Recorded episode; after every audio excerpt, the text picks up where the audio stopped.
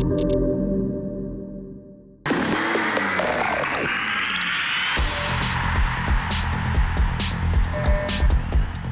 مرحبا لكل عم يتابعوا حلقة اليوم من Pitstop Podcast under FBC Podcast عم نسجل الحلقة مباشرة من بعد جائزة أمريكا الكبرى آه، يلي صارت نهار الأحد اللي كانت مليئة بالحماس بما انه هالجائزه كمان كانت sprint race رقم خمسة لهالسنة. فخليل كيف كان هالتوقيت المزعج نوعا ما بالنسبة لجائزة أمريكا الكبرى بالنسبة لنا نحن بالمنطقة. توقيت كان مزعج خاصة سباق ال sprint كان متأخر جدا ولكن جائزة الكبرى يوم الأحد كان عنا سباق ممتع بعتقد من أفضل سباقات هذا الموسم. معركة ثلاثية رأينا المكلارين رأينا الفراري حتى الفراري أخذوا ال pole position عنا كان أربع فرق منافسة فينا نقول.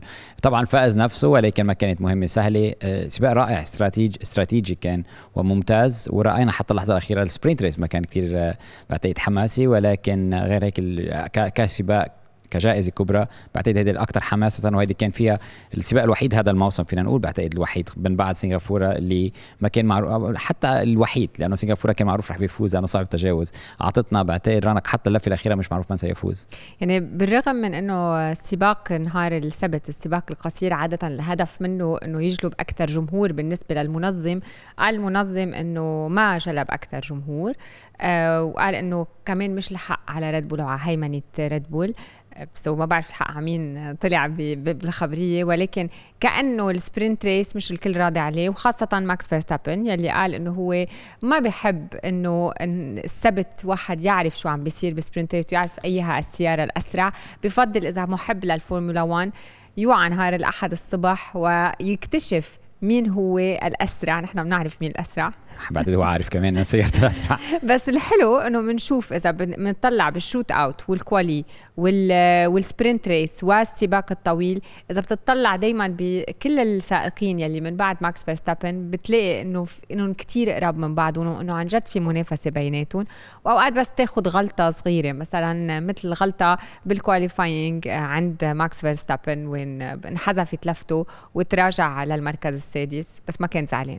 ما بقى ننسى أنه ماكس فيرستابن هو خطف pole position كان رح ينطلق مركز أول ولكن تم حذف لفته المنعطف التاسع عشر يوم الجمعة. كان في حدود معينة الاتحاد الدولي. بعد حديث مع السائقين والفرق زادوا الحدود ليوم السبت والأحد عرضوا الخط الأبيض. تم يتم حذف كثير من اللفات. ولكن اللي حصل بعد ذلك إنه يوم السبت مثل ما ذكرت السباق كان عادي جدا بعتقد ما حصل كثير. واللي ذكروا ماكس فيرستابن إنه في بعض الحلبات خاصة مثل أوستن انتقلنا من ال qualifying من أو من تجارب حرة أولى ل qualifying بعدها يوم السبت shootout والسباق القصير، السباق القصير استعمل لفهم الإطارات، نحن. كنا على حلبة تآكل عليها كبير جدا، الكل اختبر إطاراته ليجهز استراتيجي يوم السبت، ولكن اللي ساعد سباق الاحد يكون أفضل هو درجة حرارة كانت مرتفعة أكثر والرياح كانت قوية أقوى وكان في آه، آه، اتجاه الرياح كان عم يتغير طوال الوقت، وهذا زاد حماس السباق وسبب مشكلة بسيطة بسيطة جدا بمكابح ماكس فيرستابن اللي ما كان معتاد عليها مثل يوم السبت ورأينا حماس اكبر مثل ما ذكرتي يعني انطلق أنا كنت سبرنت ريس سيطر. سيطر ب 10 ب 10 ثواني يعني وحتى بالسابق لفة لفة. وهذا اللي خلينا نفكر إنه يمكن يوم الأحد كم لفة كنا عم نقول ماكس فيرستابن ليخطف الصدارة ولكن مهمته كانت صعبة يوم الأحد.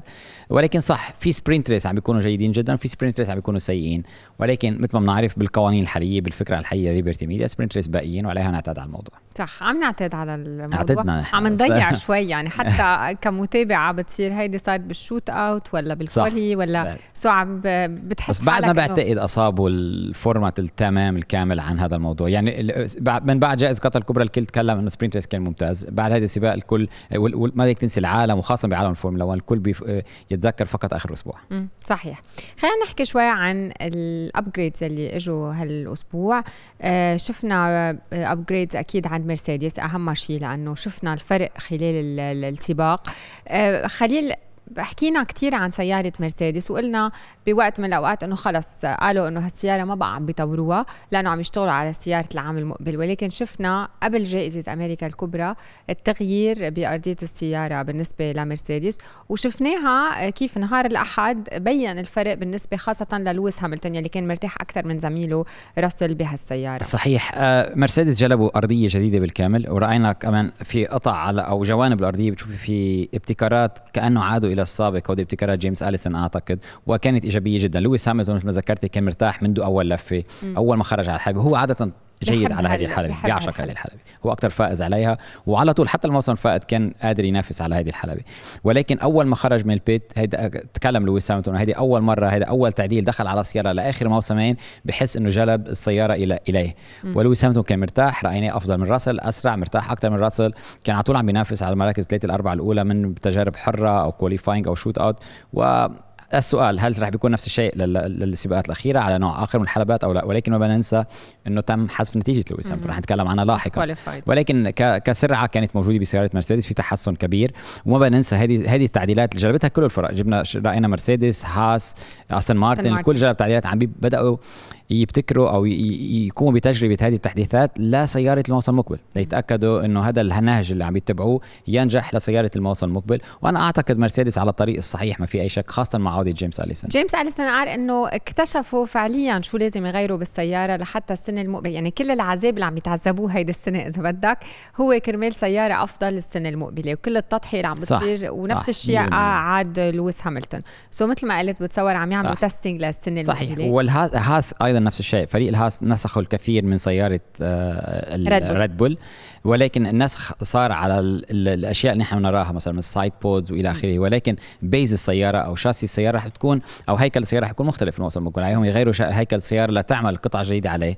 وهذه كلها ابتكارات واشتراك لأنه سيارة الهاس رايناها بالدم الليترات. هولكنبرغ كان أفضل بكثير من ماجنسون حافظ على ليترات أفضل. في تحسن كانوا قريبين جدا من النقاط. ولكن كل هذه الابتكارات أو كل هذه الأشياء الجديدة فقط للتحضير لموسم 2025 وأنهاء هذا الموسم بشكل أفضل. خليل كان البوديوم بنهاية هالسباق ماكس فيرستابن لويس هاملتون ونوريس. ولكن من بعد ما خلص السباق كلنا رجعنا قرينا وشفنا إنه آه إنه لويس ولوكلير اثنيناتهم disqualified ونحكى عن سبب هال disqualification بالنسبة لاثنيناتهم ليش خلص راحوا نقاطهم وانحسبوا كأنه ما شاركوا آه بالسباق. ومثل ما فهمنا إنه هالقطعة قطعه الخشب يلي بتكون على أرض السيارة. فيك تشرح لنا أكثر عنها وليش صارت معهم بالتحديد بهذا السباق؟ صحيح الاتحاد الدولي السيارات لما تنهي سباق بتدخل parc fermé. هذا ال parc fermé يعني الاتحاد الدولي ممكن يكشف على سيارات ليتأكد كمية الوقود بالسيارات بيتأكدوا من كل السيارات كمية الوقود ولكن غير ذلك بدهم بيختاروا بعض السيارات إذا في أي شك إنه في سيارات منها عندها عندهم أي شك عليها بيقدروا يختاروها ليشوفوا إذا في أي شيء غير قانوني م. بكل سيارة بسيارات فورمولا 1 في لوحة موجودة بأسفل السيارة هذه اللوحة بتصير تصطدم لما تصطدم السيارات بأرض الحلبة خاصة السيارات الحاليه بتصير تحف. لكن مفروض ما تكون أكثر من 1 ملم خفت. يعني السيارة إذا أكثر من 1 ملم يعني بتعني إنه عم تستفيد السيارة فيها downforce أكثر منخفضه أكثر على أرض الحلبة وهذا شيء هذا شيء ضد غير القوانين. قانوني. غير قانوني لأنه ساعتها الكل ممكن يذهب بهذه الطريقة وبتسبب كارثة بعامل السلامة. في في حدود وسيارتي على فكرة بجائزة اليابان الكبرى بعد انتهائها ما تم فحص ولا اي سيارة بال skid bars اللي هي اللوحة الموجودة. بجائزة قطر الكبرى بعتقد تم فحص سيارة من بعد ال sprint race فحص ثلاث سيارات من بعد السباق الرئيسي. ولكن هنا من بعد كل البيانات الموجودة ما بدك تنسى الاتحاد الدولي لديه بعض البيانات في ال onboard من من الكاميرات. إذا بشوف في سيارة فيها كثير اهتزازات يعني ممكن تكون منخفضه أكثر آه الكل يسأل هني ما اختبروا هني ما ما ما, ما اختاروا فقط سيارتي. لوكلير وهاملتون اختاروا أربع سيارات. وهن السيارات الأربعة اللي انتهت بالمركز الأربعة الأولى فيرستابن نوريس لوكلير وهاملتون ولما تم فحص هذه اللوحة سيارتي لوكلير وهاملتون كان ride height أو السيارة كانت منخفضه أكثر من المفروض كما يبدو. وتم تم يعني تم إزالة أكثر من مليمتر بسبب مطبات واصطدام السيارة بأرضية الحلبة وتم شطب نتائجهم. طبعا هذا شيء بعتقد فتح بس هذا الشيء بيعني إنه يمكن كمان سيارة. راسل نفس الشيء ممكن, يكون سيارة عدد كبير من السيارات. آه ما حدا بيعرف بياستري. ولكن هن تم عشوائيا اختاروا هذه السيارات. والسؤال لماذا اختاروا هذه السيارات؟ بعتقد الاتحاد الدولي بيختارهم لما لأنه رأوا هذه السيارات كانت فيها كثير bottoming أو كمية ال downforce أو إلى آخره. لهذا السبب لكن نعم هذا آه، آه، اختيار عشوائي. ليش عشوائي؟ لأنه إذا بدهم يختاروا يختبروا كل السيارات وينظروا عليها رح تاخذ وقت طويل أكثر من ساعة ونص. وعادة إذا بده يتم نتيجة سباق أو إذا في أي فريق بده يشتكي على نتيجة السباق عندهم فقط نص ساعة من بعد انتهاء الجائزه الكبرى م. طلع قرار لويس هاملتون لأنه هلأ في كثير بيسالوا طيب ليش الفرق الأخرى ما تشتكي؟ انه يعني يمكن سياراتهم ما بقى فيهم يشتكوا لأنه القرار لما طلع بشطب نتيجة لوكلير وهاملتون مر عليه أكثر من مدة المحدودة لفريق آخر يطلب. الشيء الوحيد اللي بيقدر حاليا يفعلوا الفرق يفعلوه الفرق وفقط فريقين.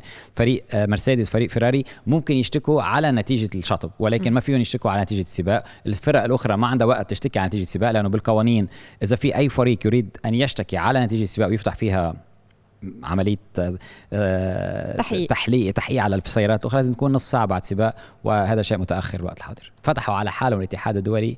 حرب جديدة. ممكن.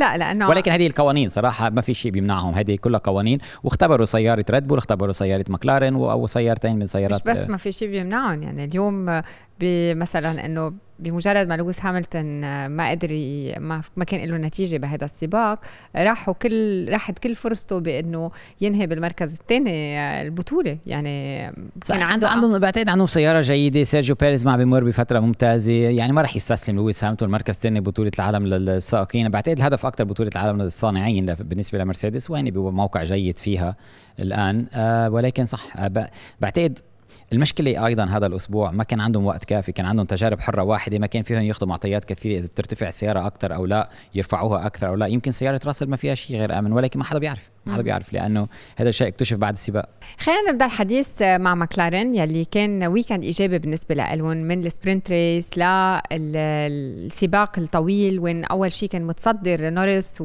وهيك لبعض اللفات كان حتى كانوا عم بيفكروا بتوقف واحد ولكن الإطارات ابدا ما ساعدتهم ولكن حتى ماكلارين بشكل عام ما كانوا متوقعين نتيجة هالقد جيدة بأمريكا. إذا بدنا نحكي عن نورس مش عن بياستري لأنه بياستري خرج من السباق. صحيح ما بعتقد فريق ماكلارين حتى بياستري تأهل بمركز جيد ليوم بال qualifying الثانية بال F 1 shoot بال shootout ولكن على كل حال فريق ماكلارين ما بعتقد كانوا متوقعين على هذه الحلبة يكونوا بهالسرعه طبعا هذه الحلبة نذكر في المقطع الأول كله منعطفات سريعة سيارة المكلارن جيدة عليها بعدها في خط مستقيم طويل أو المقطع الثاني أكثر خطوط مستقيمة طويلة قوة محرك والمقطع الثالث منعطفات بطيئة. فريق ماكلارن ما كانوا متوقعين ينافسوا بهذا الشكل ولكن في إيجابيات كثيرة مثل ما ذكر لاندو نوريس.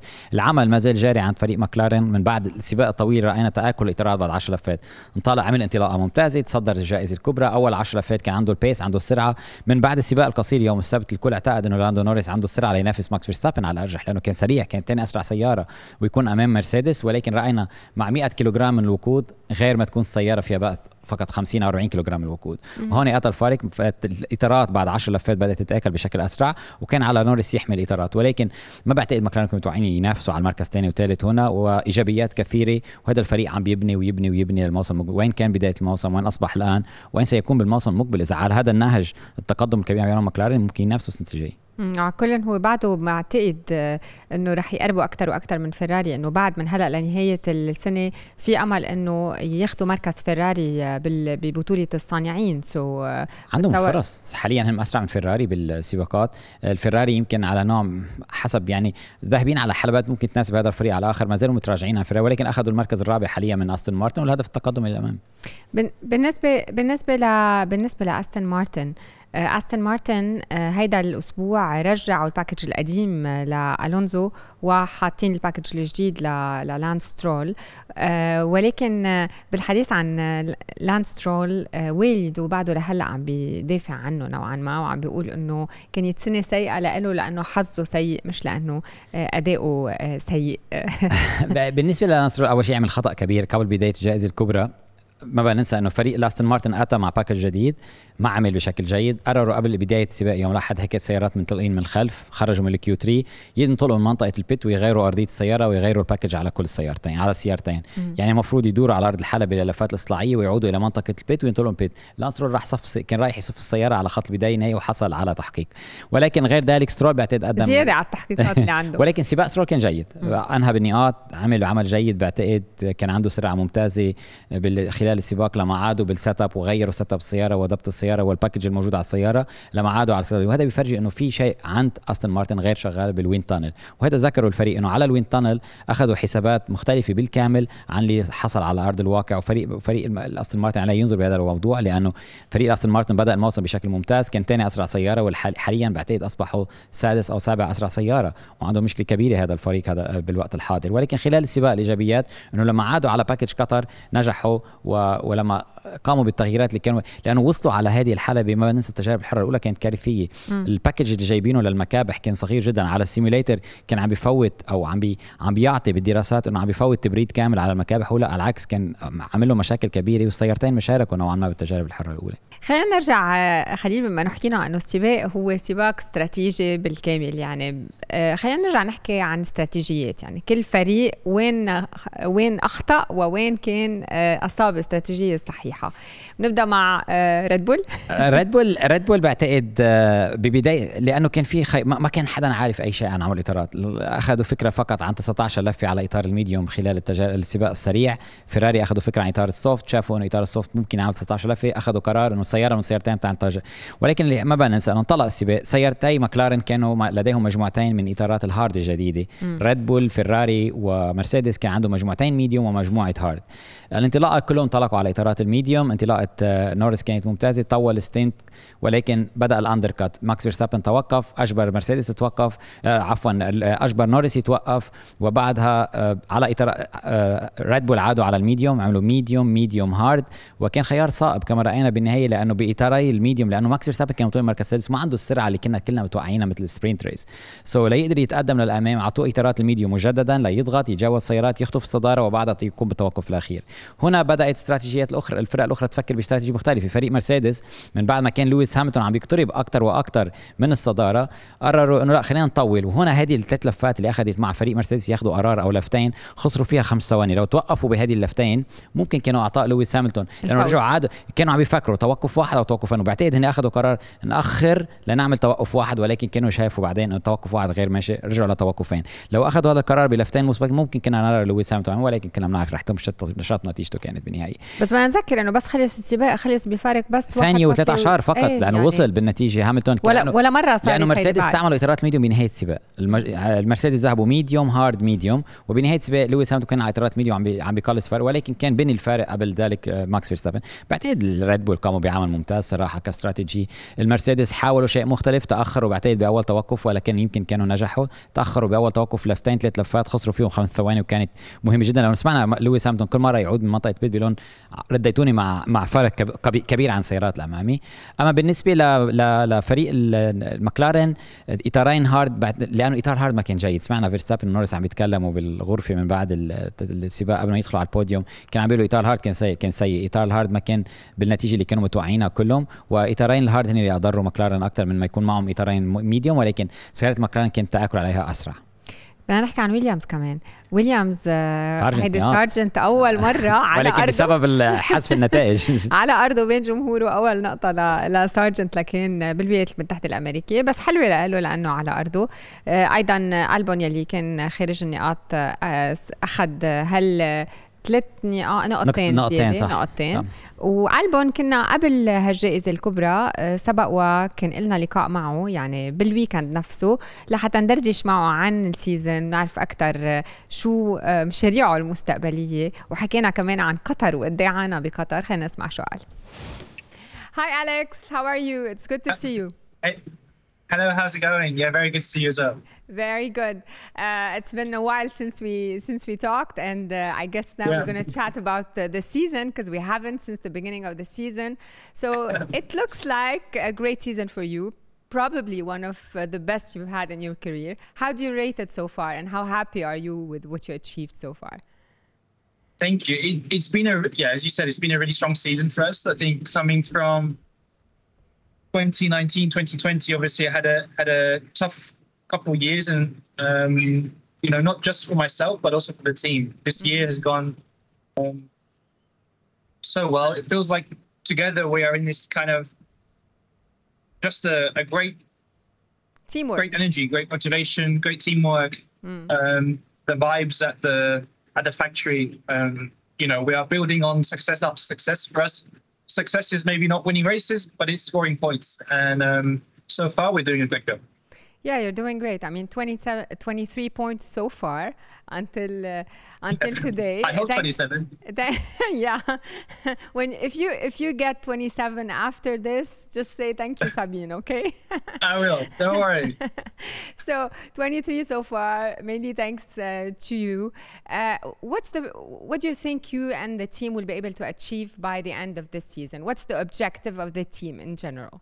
Our main objective is to try and finish P7 in the in the constructors championship, mm-hmm. um, which really won't be easy. I think um, as a team we've taken the decision to focus more for next year, so we've stopped development for this year's car, and we've we've we put all our all our time and um, power into trying to make sure next year is as quick as possible.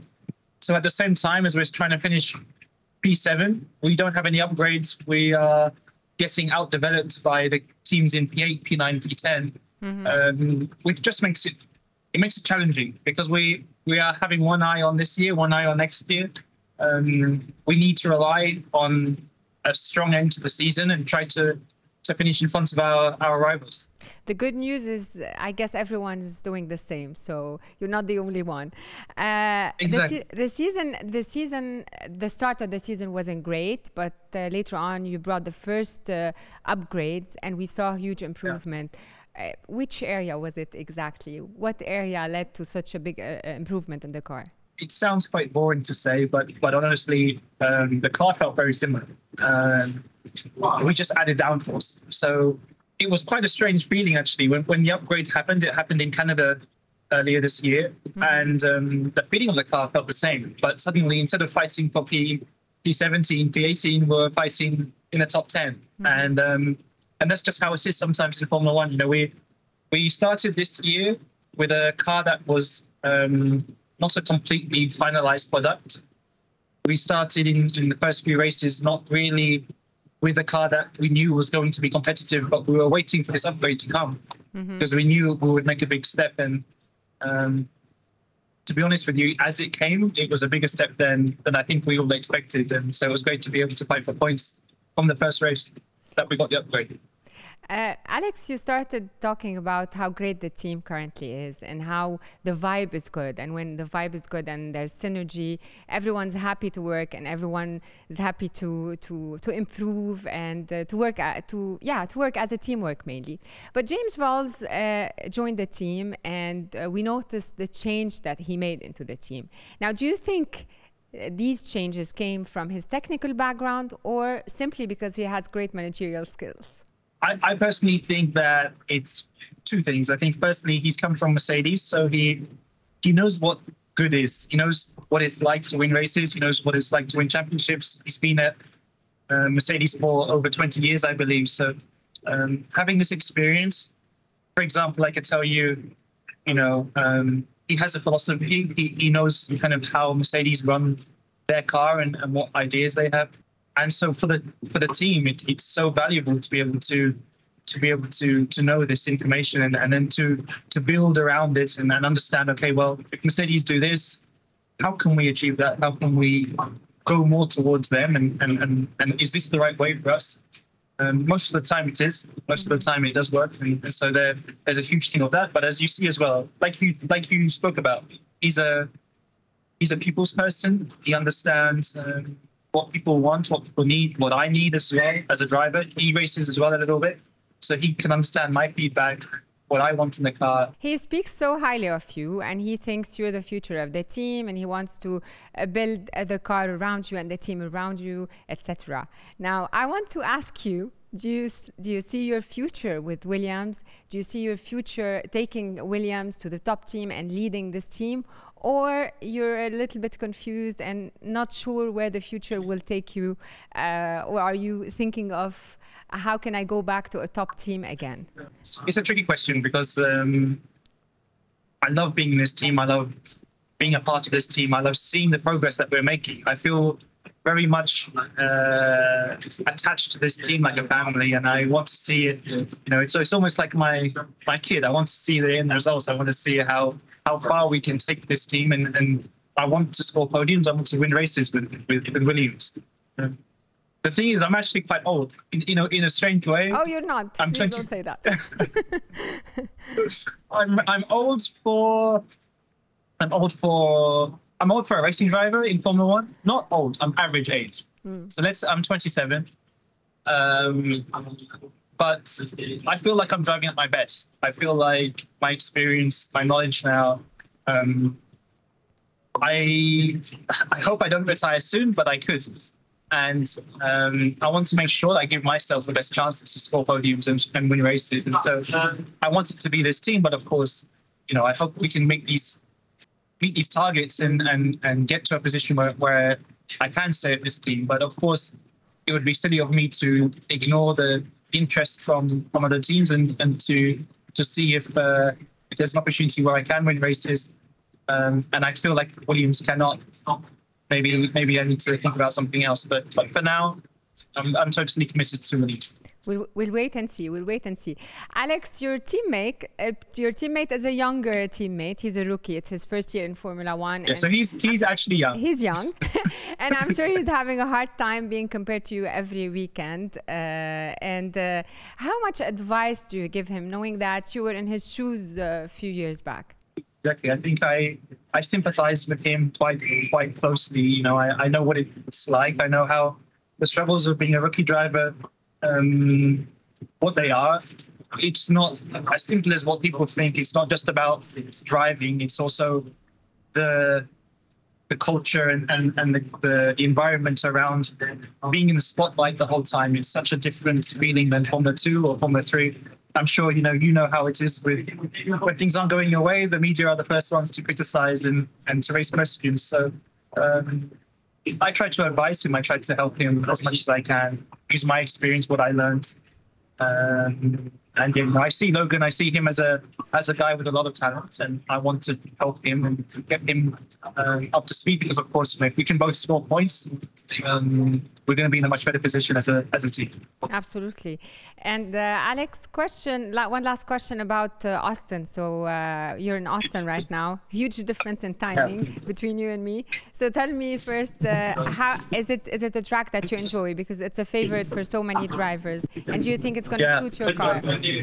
Well, we're not used to the to the heat like uh, you guys are. So for for me, it's a nice change to come to Austin, and I'm not sweating too much. it's quite after, cool after here. Qatar. So, uh, I, I, I hear you saying that after Qatar. Yeah, that was the exactly. exactly. An interesting it was, a, it was a long yeah. the craziest experience yeah, on it. That kind of heat, I, I've I've never experienced in a long, long time. I think ever. That was the, the, the most difficult race I've ever raced at. So coming to Austin has been a nice change. Um, we love coming here because also the city, the environment, the the vibes at this track, they're great. You know, everyone's so so happy, party atmosphere, um, and the track is very cool. It's bumpy, it's fast, it's not traditional, it's quite unique. Um, so as drivers, we like that. So, and do you think it's going to suit your car? No. No. we enjoy the vibe, but not driving the car. Yeah, exactly. We can enjoy, we will enjoy Sunday night, but maybe not Sunday afternoon. Great. Alex, I wish you the best of luck for uh, for Austin Thank and you. for the rest of the season, and hopefully we'll see you in Abu Dhabi when you come to the region. Thank you. I'll see you then. See you. Thank you. Bye. باي لكن هيدا كان ألكسندر ألبون وسمعتوا شو قال عن زميله سارجنت سارجنت يلي هو أول أمريكي بيخطف نقطة آه، ب- بالفورمولا 1 بأمريكا آه، من بعد أندريتي سنة 1993 في بعد فريقين ما حكينا عنهم بدنا نحكي عن عودة تسونودا من بعد ما رجع دانيال ريكاردو. أداء ممتاز، رائع. كان لتسونودا خلال هذا الويكند. أداء ممتاز تسونودا. شفنا اللي كان فيه بالفريق أول شيء كان مبين عندهم سرعة طوال ال weekend. بال sprint بال F1 shootout أو بال shootout يوم السبت كان مستاء جدا من الفريق يعني تأخر ليبداوا لفتهم الأخيرة وما ما حصلوا على النقاط ولكن بال... بال... بالسباق الطويل عمل ممتاز. تسونودا تخطى سيارات لازم يتخطاها. تقدم داخل النقاط كان طوال الوقت لما كان في عنده فارق كبير عن السياره اللي خلفه. توقف وعادوا على اطارات soft وخطف نقطة إضافية. بال fastest lap كان ممتاز فكرة ممتازة. خطف نقطتين وبعدها حصل على نقطة إضافية من بعد شطب النتائج. ثلاث نقاط. لفريق الألفا تاوري. رح يكتبوا عم بيكتبوا أكثر وأكثر من فريق الهاس يمينه بالمركز الأخير. تسونودا بعتقد أداء ممتاز. صراحة عم بي عم بيفرجي الريد بول عم بيفرجي الجميع إنه هو أصبح سائق فورمولا 1 كامل ما عنده أي مشاكل بيقدر يطور يمكن بتطوير السياره بعد ما وصل للمرحله ولكن يستخرج كل شيء من السيارة عم بيكون بعمل جيد عم يستخرج طوال الوقت أكثر من زملائه بس. بعده عصبي يعني ما تغير ما. تغير أبداً. ما بيقدر يتغير. هو كل واحد قصير هيك عصبي. ويليامز سبق وقلنا صار عندهم 25 26 نقطة وعم بيحافظوا أكثر وأكثر على مركزهم السابع ب بعتقد امنوا هذا المركز. صراحة وادائهم ممتاز كمان. ويليامز كل الحلبات اللي فيها خطوط مستقيمة عم بيكونوا بعمل جيد. حتى السيارة أصبحت أفضل بالمنعطفات وجيمس فاولز عم بيقود هذا الفريق جيد يمكن هذه المعنويات شفت الثقة بالنفس عند ألكسندر عليك كأنه شخص تاني من اللي كانوا وقت ريد. بول آه إيه. كأنه شخص آخر وهذه بتفرجي لما يكون في ثقة بالنفس الفريق يدعم السائق الشخص بيتحول لش... ل- بت- بتكبر الثقة والسائق رح يستخرجه أكثر بالنسبة لألبين الفريق الوحيد اللي بعد ما حكينا عنه غير إنه أوكون خرج من السباق وهو أكثر سائق بيخرج من سباقات أو ما بيكفي سباق لهيدي السنة من بعد الحادث الصغير يلي قام فيه مع مع بياستري. ولكن فريق ألبين عدد كبير. سبق وحكينا عن استثمارات بفريق ألبين من بعد مشاهير هوليوود. وهلأ اليوم استثمارات جديدة من بعض الرياضيين بالعالم منهم روري ماكلروي باتريك ماهومس انتوني جوشوا خوان ماتا ترند الكسندر ارنولد يعني كلهم من أو boxers أو لاعبين football أو golfers كلهم عم يستثمروا أكثر وأكثر بهالفريق وبيعتبروا إنه عنده مستقبل بتصور لأنه مش عم بيكبوا أموالهم آه، إذا ما بيعتقدوا إنه هالفريق عنده مستقبل. بعتقد في في تقدم من فريق ألبين آخر فترة. جميل واحد يشوف أيضا آه، شعبية الفورمولا 1 صارت الاستثمار الكبير عم بيحصل عليها الفرق البطولة وإلى آخره ولكن آه، كان انطلاقة اوكون كانت جيدة كان بالمركز السابع ولكن اضطر على الانسحاب بعد الحادث اللي حصل هو وبياستري عند بداية السباق. جاسلي موجود بنقاط ولكن هذا برجع بقول هذا فريق المفروض ينافس بالأمام. شوف وين الفرق الأخرى اللي كان ينافس ضدها فريق البين من أربع خمس سنوات اين وين وين الألبين حاليا عم بينافسوا على المركز السابع ثامن تاسع عاشر فقط. جاسلي كان لابس خوذة آه، فرانسوا سيفير آه، السائق الفرنسي اللي توفى من 50 عام بجائزة أمريكا الكبرى هيك لحتى آه، كمان كمان جاسلي كان كان أداؤه جيد خلال جاسلي عم يستخرج اي عم بيستخرج على طول عم بيقدر يستخرج كل شيء من السيارة عم يدخلوا النقاط ولكن المفروض يكون أفضل هذا الفريق. هذا فريق عنده البنية التحتية الأجدد بعتقد بعالم الفورمولا 1 اليوم. المفروض يكونوا أدائهم أفضل بكثير. وعم بي... ما بننسى مروا بفترة تغيرت إدارة الفريق أكثر من مرة وإلى آخره. لنشوف المستقبل إذا مع الاستثمار الجديد الملاك الجدد يلي هن هي شركة بتملك هذه الحصص وتحتها في عندك الملاك الجدد. إذا في شيء رح يتغير سنرى. ولكن هذا الفريق المفروض ينافس على مركز ثالث وثالث رابع بالبطوله مش شوية news خليل في فريق بس ما ذكرناه انت تتكلم عن فرق. ألفا روميو إجوا وفلوا من دون نقاط من أمريكا بس. هي من هيك ما ذكرنا ما بيصير شيء. يعني بس في هيك بيكون في fashion ما كان في تعديلات إجوا سبقوا وخرجوا جوان يو جو بس هيك بيدخل بيكون لابس شيء حلو خلال ال weekend وهيدي هي. خلينا نحكي شوي عن ال news بالفورمولا 1 بداية بدنا نبدأ بال news آه، عن ال fine أو عن الغرامة بقيمة مليون دولار توصل لمليون دولار عند السائقين طبعا عدد كتير كتير كبير من السائقين ما عجبوا الموضوع. رح ابدأ بتوتو وولف يلي قال إنه آه، أكيد اللي حط هيدا الرقم ما بعرف بشو كان عم بيفكر آه، لويس هاملتون قال مش معقول تاخذوا مني هالأموال إلا إذا كانت ل... ل... لشيء إنساني. يعني بدي أعرف وين بدها تروح لجمعية أو أو, أو, أو لهدف معين يعني. أو لهدف معين صح. بس مش لهيك ياخذون ال FIA شخص مثل جورج راسل قال أنا أول سنتين لإلي بالفورمولا 1 ما كنت أقبض مليون دولار وكنت كل شيء أقبضه ادفعه على كثير أشياء خاصة بالفورمولا 1 so هو أجمل شيء كلام ماجنوسن قال إنه إذا أنا أخذت هذه العقوبة. إذا شارل لوكلير اخذ هذه العقوبة بيقدر يعطيهم ساعة. إذا أنا أخذت العقوبة رح أهرب وروح نبشوا علي. خلص. معه حق أكيد. بس إنه السؤال اللي بيطرح حاله شو هي هالغلطة يلي بتستحق غرامة مليون دولار؟ ما بعتقد هن بيعرف ولا حتى الاتحاد الدولي بيعرف اليوم شو هي الغرامه لأنه بالوقت الحاضر كل شيء بنعرفه إنه المؤكد 50 ألف يورو هي غرامة إذا لمس سيارة أخرى لما سيباستيان فيتل لمس الجناح الخلفي كانوا عم يمزحوا عنها السائقين ولكن غير ذلك غير ذلك ما في شيء على الغرامات المادية غير إنه البينالتي اللي بياخذوها داخل منطقة الصيانه بالسرعة ما في غرامات ما في بالقوانين شيء محدد على الغرامات المادية. وهذا السائقين عم بيقولوا okay بدك تحط مليون دولار بدك تحط 500000 300000 200 10 12 دولار يكون أول شيء يفهموا أين تأتي هذه الغرامات ثاني شيء أين ت... وين تصرف هذه الأموال. م. يعني الاتحاد الدولي عم بياخذها اليوم أين عم بيصرفها؟ وين بيروحوا؟ بدهم السائقين عم بيضغطوا إنه يصرفوهم على ال grass root يصرفوهم على دعم المناطق اللي ما عندها رياضه سيارات لتطوير هذه الرياضه يصرفوهم على ناس مش قادرين يوصلوا على الفورمولا 1 بس إذا عندهم إذا عندهم potential على أشياء مثل grass root وبنيه تحتية وإلى آخره. وهذا الموضوع الجاري حاليا للاتحاد الدولي إنه يقنع السائقين أين ستصرف هذه الأموال. ولكن القانون قانون حاليا في عقوبة مليون دولار. لحد هلا ما حدا حصل عليها بعد. ما بعرف إذا حدا رح يحصل عليها ولكن أين ومتى وكيف ما حدا بيعرف. بالحديث عن ال FIA قال رئيس الاتحاد الدولي إنه آه، بعض الحلبات مثل لوسيل ومثل ريد بول رينج إذا ما حسنوا حدود الحلبة عندهم رح يبطلوا على رزنامه الفورمولا 1 يعني اولا الاتحاد الدولي عليه يوافق على الحلبة إنه امنه وسالمه طبعا. م. القرار النهائي بيرجع لعنده ولكن اولا إدارة الفورمولا 1 هي اللي بتكون بالعقود التجارية. ولكن صحيح هذا اللي صرح فيه لأنه اللي عم بيصير حاليا على الهواء مباشرة سيارات تخرج عن حدود الحلبة أكثر من مرة. اللي عم بيصير مثل مهرجان يعني تم حذف اللفات وإلى آخره يلاقوا حلول لهذا السبب. ولكن لكن الاتحاد الدولي بيعتقد لازم يص... بيكون هو بمحل يكون ب... مثل ما في عنا ال safety آه، القوانين السلامة. قوانين عالم عامل السلامه يكون في قانون بعتقد لحدود الحلبه الاتحاد الدولي فيه حتى بال grade 1 إذا أنتم حلبه grade 1 بدك تستضيف فورمولا 1 أو grade 2 أو grade 3 عامل بي بي بالنسبة لحدود الحلبه لازم يكون في هذا القانون وينهي هذا الموضوع. خليل سمعنا كثير خلال هال weekend عن ال F 1 Academy وتم الإعلان عن السباقات اللي رح تقوم فيها ال F 1 Academy ابتداء من السنة المقبلة.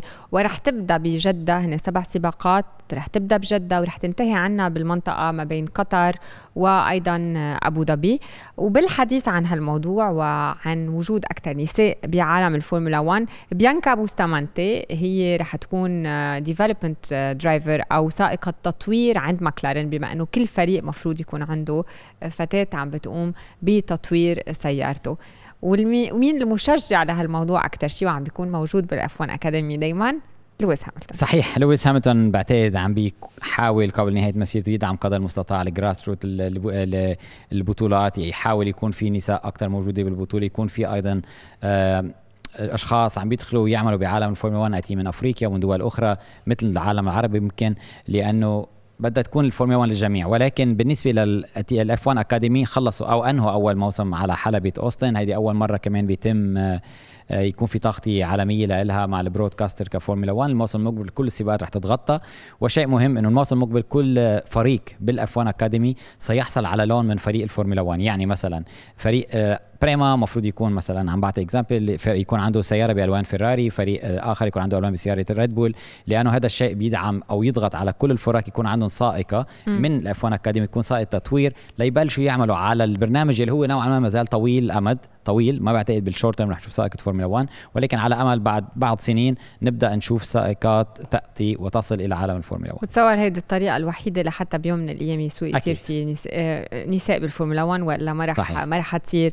بالحديث عن لويس هاملتون كمان سبق وقال إنه هو اقترح إنه قطر هي يلي يصير فيها التجارب الشتوية آه، لأنه بيعتقد إنه الإطارات تأكل الإطارات والضغط على الإطارات بجائزة قطر الكبرى أكثر من أي مكان تاني بالعالم. ومن بعد ما خلصت الجائزة بقطر كمان قال إنه هو مزبوط ما شارك فيها هالجائزة وعدد كتير كبير من السائقين كان عم مزعوج من درجة الحرارة العالية ولكن قال نحن كسائقين لازم يكون عندنا قدرة تحمل كتير عالية. بالنسبة لقديش عم نقبض أموال لحتى نكون عم نقول بهالرياضة أقل شيء نكون عم نشتغل على حالنا أكثر جسديا لحتى نقدر نتحمل آه، أي شيء هذا هو ذاته اللي خرج بباكو من الموسم الفائت عن الارتدادات وقال إنه ما فينا نقود بهذه الارتدادات لأنه عم بتسبب آه، وجع ظهر يعني وإلى آخره. ولكن هو ما أنهى السباق. في كثير سائقين أنهوا السباق وكل السائقين أنهوا السباق كانوا ضد هذه الفكرة. هو بعتقد اللي حصل في قطر إنه فقط توقيت ما بقى ننسى بالمستقبل جائزة قطر رح بتكون بشهر ديسمبر وحلبة صعبة جدا خاصة بسيارات الفورمولا 1 وال downforce الموجود فيها اليوم. هذا شيء طبيعي بعتقد ولكن كل شيء عم بيكون فيه ك GPDA يلي هي لجنة السائقين الفورمولا 1 يضغطوا على الاتحاد وعلى الكل نعمل سويا. خلينا ناخذ قرارات سوا نحن السائقين. اعملوا معنا خلينا نتخذ القرارات سويا. ولكن جائزة قطر حلها هي فقط توقيت سباق بجائزة أمريكا أكيد مثل ما توقعنا كان في عدد كثير كبير من المشاهير. أشهرهم Prince هاري آه، باتريك دمسي اللي بيكون بعدد كبير من السباقات ودرو باريمور اللي كانت لابسة تياب ريد بول وقاعدة معهم بال بالجراج. وقال شغلة كثير مهضومة آه، كريستيان هورنر. قال إنه من كم سنة لما جينا على أمريكا كنا عم نجرب آه، نستعين بتايلور سويفت لحتى يكون في جمهور. هلأ إذا بتيجي تايلور سويفت ما بعرف إذا بنلاقي لها محل. لا بعتقد شعبية الفورمولا 1 ازدادت بشكل كبير من بعد خاصة موسم 2021 والعمل اللي عملت عليه ليبرتي ميديا. بعتقد موسم 2021 ساعد شعبية هذه البطولة بشكل كبير. الكوفيد أو جائحة كورونا ساعدت أيضا الفورمولا 1 لأنه هذه البطولة اللي كانت موجودة خلال الكوفيد. أشياء كثيرة ساعدت ولكن صحيح الفورمولا 1 عم بتمر بفترة ذهبية كلنا نعلم. هل ستبقى هل ستبقى بالقمة؟ هل بدأت تتراجع؟ لأنه في سيارة وسائق مسيطر إلى آخره سنعرف في المستقبل ولكن حاليا بأمريكا شعبية الفورمولا 1 طايرة. ثلاث سباقات متتالية خليل ابتدوا بالولايات المتحدة الأمريكية هالأسبوع بأوستن الأسبوع المقبل بالمكسيك وبعده بالبرازيل. خلينا نحكي بشكل سريع عن المكسيك. أرض وجمهور تشيكو بيريز. المكسيك بعتقد بيريز عم بيمر حاليا تحت ضغط عليه تسجيل نتائج أفضل. منه مرتاح بالسيارة؟ الجهة الأمامية من السيارة ما عم بتساعده ابدا. من وقت ما تم تعديلها حاول يقنع الفريق يردوا له السيارة بداية الموسم ليستخرج منها أكثر الفريق ما قبل. ولكن على أرضه أمام جمهوره بعتقد اي سائق بيقدر يقود أمام جمهوره شيء رائع وخاصة بالمكسيك خل منطقة stadium الموسم اللي فات أنهى بالمركز الثاني كان في احتفالات كبيرة. حاليا عم بمر بعتقد بوقت أصعب ولكن سيارة الريد بول عادة سريعة على هذا النوع من الحلبات. أه وجائزه مكسيك كبرى على طول جائزة رائعة المنطقة ال stadium ممتازه التجاوزات صعبة يمكن شوي عليها أكثر من جائزة الولايات المتحدة الكبرى. والسؤال كيف سيكون أداء المرسيدس؟ كيف سيكون أداء النوريس والمكلارن هناك؟ وهل سنرى معركة مجدية؟ لأنه هذه الجولة كانت رائعة برؤية ثلاث سيارات عم بتنافس على بعض على الفوز أو ثلاث فرق مختلفة. رح نحكي عن جائزة المكسيك الكبرى الأسبوع المقبل. Thanks خليل.